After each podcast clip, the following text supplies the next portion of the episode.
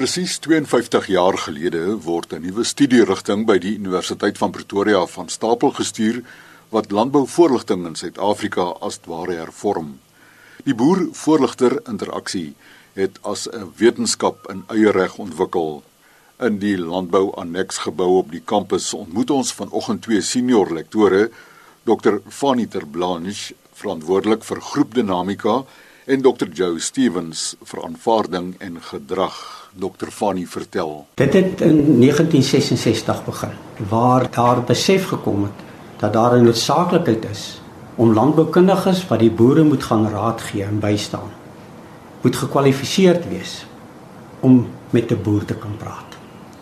Jy moet die boer verstaan, jy moet met die boer kan praat en toe is daar begin met die eerste honeursgraad in landbouvoorligting wat hier begin is by die Universiteit van Pretoria daar's ook die Suid-Afrikaanse Vereniging vir Landbouvoorligting is ook hier gestig.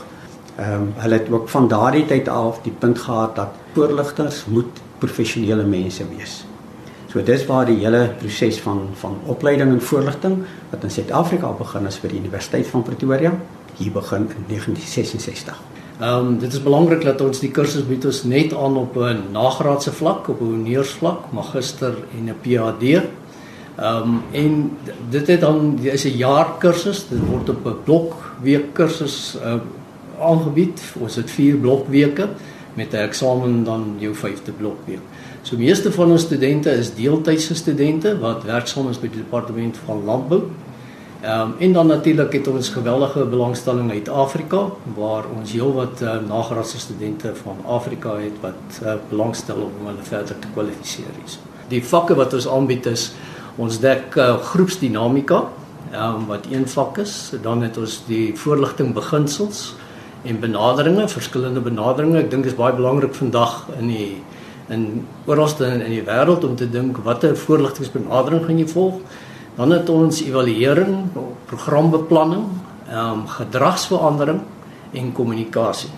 Ek dink die ander belangrike ding wat gebeur het oor tyd, ehm um, in die vroeër jare daarvan 66 af tot hier in 88 moes 'n voorligter 'n honeursgraad in voorligting gehad het om die werk te kan gaan doen in die in die destydse departement van landbou. Dit was in die ou bedeling gewees. In 2008 het ek um, by 'n konferensie, 'n voorligtingskonferensie wat ons gehad het en dit was in Durban, jou wat jy gesê het, dit het gegaan oor professionalisme in voor in, in die voorligtingsdiens. En ek het 'n praatjie daar gegee. Ek gaan hom nou in Engels sê the professionalization of extension services in South Africa a dream or a reality. Dit was in 2008. En ons vereniging het aanhou veg. Ons moet professionele mense wees. 2012 het daar 'n groot verandering gekom. Die uh, minister van uh, onderwys en tegnologie het uh, voorligting as 'n wetenskap erken en dit is dan ook wat hulle in Engels noem 'n field of practice nou deel van die Raad van Natuurwetenskaplikes se proses. En elke landbevoorligter wat heidaglik in die staatsdiens werk in die 9 provinsies van hierdie land ongeag sy kwalifikasies, hy hy word spesifiek geregistreer op sy kwalifikasies. Hy moet geregistreer wees om die dienste kan lewer. Hy moet landboukundig geregistreer word en hy moet ook voorligtingkundig geregistreer word. Maar as hy nie gekwalifiseerd is nie, dan mag hy nie meer die werk doen nie. Daar's nog 'n jaar tyd om te registreer. Daar's op die oomblik so 1800 van die 3000 voorligters wat reeds geregistreer is. Ek dink uh, Chris wat baie belangrik is wat Fani aangeraak het is um, vir ons is dit baie belangrik en ek is baie bly ook met die met die Raad van Natuurwetenskaplikes dat hulle erken nie net die die voorligtingskomponent nie, maar die wetenskaplike komponent. Want as 'n voorligter vandag in die veld moet jy 'n goeie tegniese basis hê. En en ek dink dis is ongelukkig wat ons agtergekom het met ons jare van van uh, ervaring met die met die studente, want dit is ongelukkig baie keer baie gebrekkig. Ehm um, die die tegniese vaardigheid. So kom 'n student ook hier met 'n 'n voorgraad in een of ander vakdissipline Ehm um, en dan wat Fanie sê, daar is nie hierdie hierdie gereelde opdatering van nuwe kennis nie. Uh baie van ons studente sal vir jou sê hulle het 4, 5, 6 jaar laas in diensopleiding gehad. Nou uh geen geen persoon kan in uh, werklik in die praktyk aktief wees en suksesvol wees as jy nie gereeld op datum is met wat is die verandering. En soos wat Fanie sê, landbou is ongelukkig verskriklik dinamies en die tegnologie is besig om weg te hardloop met met, met landbou en as ek net dink wat wat vir ons voorlê in die volgende 2, 3 jaar, dan moet mense bereid wees om hulle self hulle kundigheid te te verdiep en en en op te skerp. En dan soos ons gesê het, um buite die menskundige gedeelte is dit natuurlik boerdery is vandag 'n besigheid. Voorligting is nie moenie net produksie georiënteerd wees nie. Dit moet bemarkingsgeoriënteerd wees. En dan die hele gedagte van agripreneurskap. En om 'n agripreneur te wees, moet jy bietjie verstaan van besigheid en die basiese dinge van van finansiële besluitneming en finansiële beplanning. Die aspekte kan aanraak in in 'n die diensopleiding en jy kan dit vereis van van van 'n geregistreerde professionele voorligter dat hy daai kundigheid moet optel. Die kursus word uit die aardmesaak net in Engels aangebied. Ongelukkig ja en ook om natuurlik vir ons buitelandse studente te kan ehm um, hulle hulle te kan ehm um, diens. Uh, is dit belangrik dat ons dit net in Engels aanbied? En soos wat Fanie gesê het, dit is so, ons kry ook ehm um, studente van die van van ons ehm um, verskillende uh, landboubedrywe. Ons het uh, studente hier van die bosboubedryf en en daar's 'n geweldige belangstelling nou in die bosboubedryf waar hulle met gemeenskap bosbouprojekte ehm um, elke dag ook maar te doen het en dan nou met die grondhervormingsprogramme Ehm um, is daar heelwat van die private sektor ook wat daarmee gemoeid is wat ook belangstel en wat besef die belangrikheid van van landbouvoorligting. Ehm um, soos wat Fanie gesê het, dit, dit is belangrik vir 'n landbouvoorligter om te kan weet hoe om met mense te werk. En binne in 'n landbou of in 'n grondhervormingsprojek of in 'n landbou hervestigingsprojek ja, die tegniese gedeelte is belangrik, maar op die oomblik is dit is dit baie belangrik vir jou om met, om te weet hoe om mense en hoe mense in gemeenskappe, veral gemeenskap um ontwikkeling te verstaan en daai hele gemeenskapsdinamika te verstaan. Dok Fanny, wat lê in die toekoms voor vir hierdie kursus in landbouvoorligting? Die feit dat voorligting nou geprofessionaliseer is. En en dit is die belangrike ding wat universiteite ook moet doen om te kyk nou jy weet die universiteit kan nie meer 'n kursus aanbied as die persoon nie kan geregistreer word vir daai vir daai kursus nie jy weet so dit dit begin en en die die raad van natuurwetenskaplikes besoek nou elke universiteit om te sê kom ons kyk na jou grade en goed. Laat as iemand hierdie graad doen, dan moet eintlik daar staan if you complete this degree, you can register as a professional natural scientist with SACNAPS. En as jy hierdie kursus voldoen het, registreer jy, kan jy registreer as 'n professionele extension scientist. Jy weet en ek dink dis die belangrike pad wat ons moet loop nou. Uh, en weer wil ek sê onthou die staat is die huidige die meeste voorligters wat is uh, oor die 3000 al wat hulle het. Hulle beplan om nog 1500 oor die volgende paar jaar aan te stel. En dis baie belangrik dat ons die regte mense van nou af op die plaas kry om die boer te kan bystaan. Want die uitdagings vir boerdery word al hoe groter. En hulle het kundige mense nodig om hulle te kan help.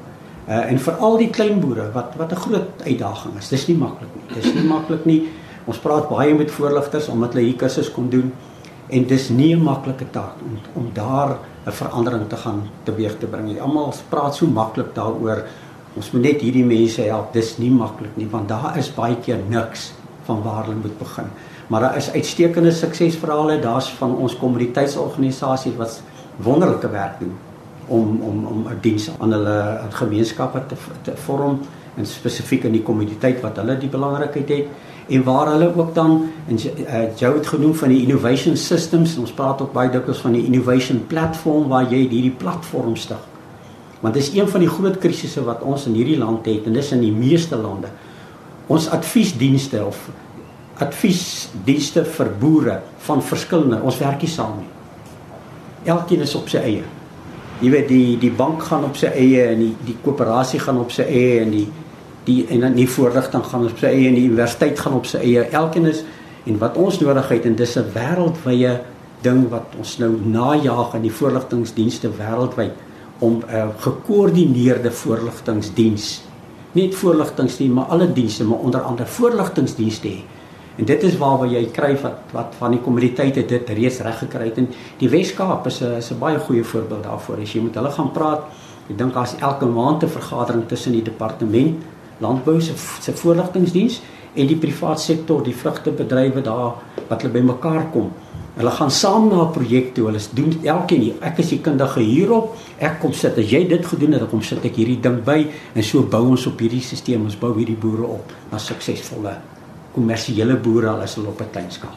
Ek uh, ek wil net by Fanie aansluit. Um, ek dink veral wat Fanie genoem het met die met ons klein boere. Wat ons gesien het, dit is verskriklik belangrik as jy 'n landbouadviseur of 'n landbouvoorligter is. Um ek dink dis eintlik meer uitdagend vir vir om om betrokke te wees by klein boere want 'n klein boer baie keer is dit nie net belangrik om die gemeenskap bymekaar te kry of om 'n boeregroep bymekaar te kry en te organiseer en te mobiliseer nie. Maar dit is baie belangrik ook om te kan help met die tegniese advies.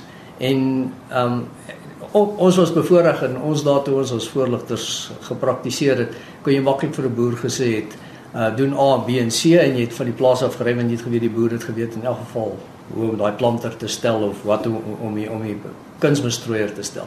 Vandag is dit ongelukkig nie so met ons klein boere nie. Dit word verlang en verwag van daai van daai landbouadviseur om hom te kan help met daai praktiese instelling van die planter en met die met En ongelukkig, dit spreek ons nou nie aan in ons kursus want weer eens ons het nie tyd daarvoor nie, maar ek dink dit is dit is iets wat wat ek agtergekom het by ons praktiserende voorligters wat 'n uh, werklike groot gebrek is. Ehm um, en en as 'n mens kyk na die na ongelukkig die die die verhaal van landbou ehm um, hervorming in Suid-Afrika, grondhervorming, die swak ehm um, persentasie van van van boere wat werklik suksesvol is, dan kan ons dit altyd maar weer gaan toeskryf aan hierdie ons noem dit in Engels die post settlement, die na nadat die boere ges, uh, gevestig is, daai ondersteuning wat net nie daar bestaan nie. En dis maar Fanie sê waar hierdie gekoördineerde voorligtings uh, ondersteuning net nie bestaan nie. Ek dink nie daar's meer tyd vir duplisering soos wat ons doen nie. Um en dit is hoekom hoekom grondhervorming my my insiens um nie baie suksesvol is in Suid-Afrika. Doktore Joe Stevens en Fanny Terblanche, beide senior lektore landbouvoorligting in die departement landbouekonomie, voorligting en landelike ontwikkeling aan die Universiteit van Pretoria. Hulle telefoonnommers is onderskeidelik Dr. Fanny 012 420 4623 en Dr. Joe 012 420 3249. Groete en beste wense.